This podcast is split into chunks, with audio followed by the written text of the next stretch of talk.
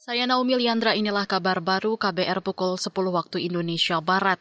Saudara, Kepala Badan Otorita Ibu Kota Nusantara IKN Bambang Susantono ingin revisi Undang-Undang IKN mempertimbangkan kondisi di lapangan.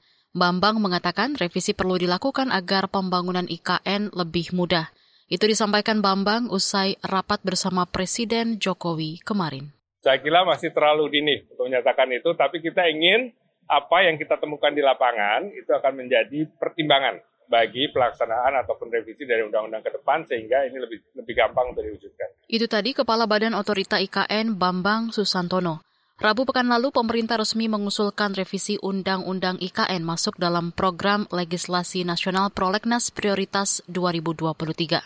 Menteri Hukum dan HAM Menkumham Yasona Lauli mengatakan Revisi memuat tentang kepastian proses persiapan pembangunan pemindahan ibu kota negara hingga pendanaan. Revisi dilakukan meski produk hukum itu belum setahun disahkan. Kita beralih ke berita pemilu. Pengundian nomor urut pemilu hanya untuk partai politik pendatang baru dinilai diskriminatif. Wacana itu muncul usai Ketua Umum PDIP Megawati mengusulkan parpol menggunakan nomor urut yang di pemilu sebelumnya.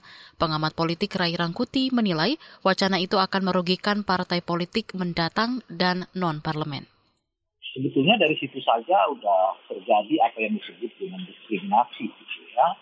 Partai politik di parlemen cukup didaftarkan secara administratif, lalu tidak perlu diverifikasi jumlah keanggotaan dan tidak perlu lagi juga faktual.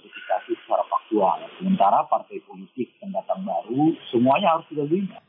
Pengamat politik Rai Rangkuti mengingatkan agar perubahan aturan pengundian nomor urut parpol tidak dimasukkan dalam revisi peraturan pemerintah pengganti undang-undang atau perpu pemilu.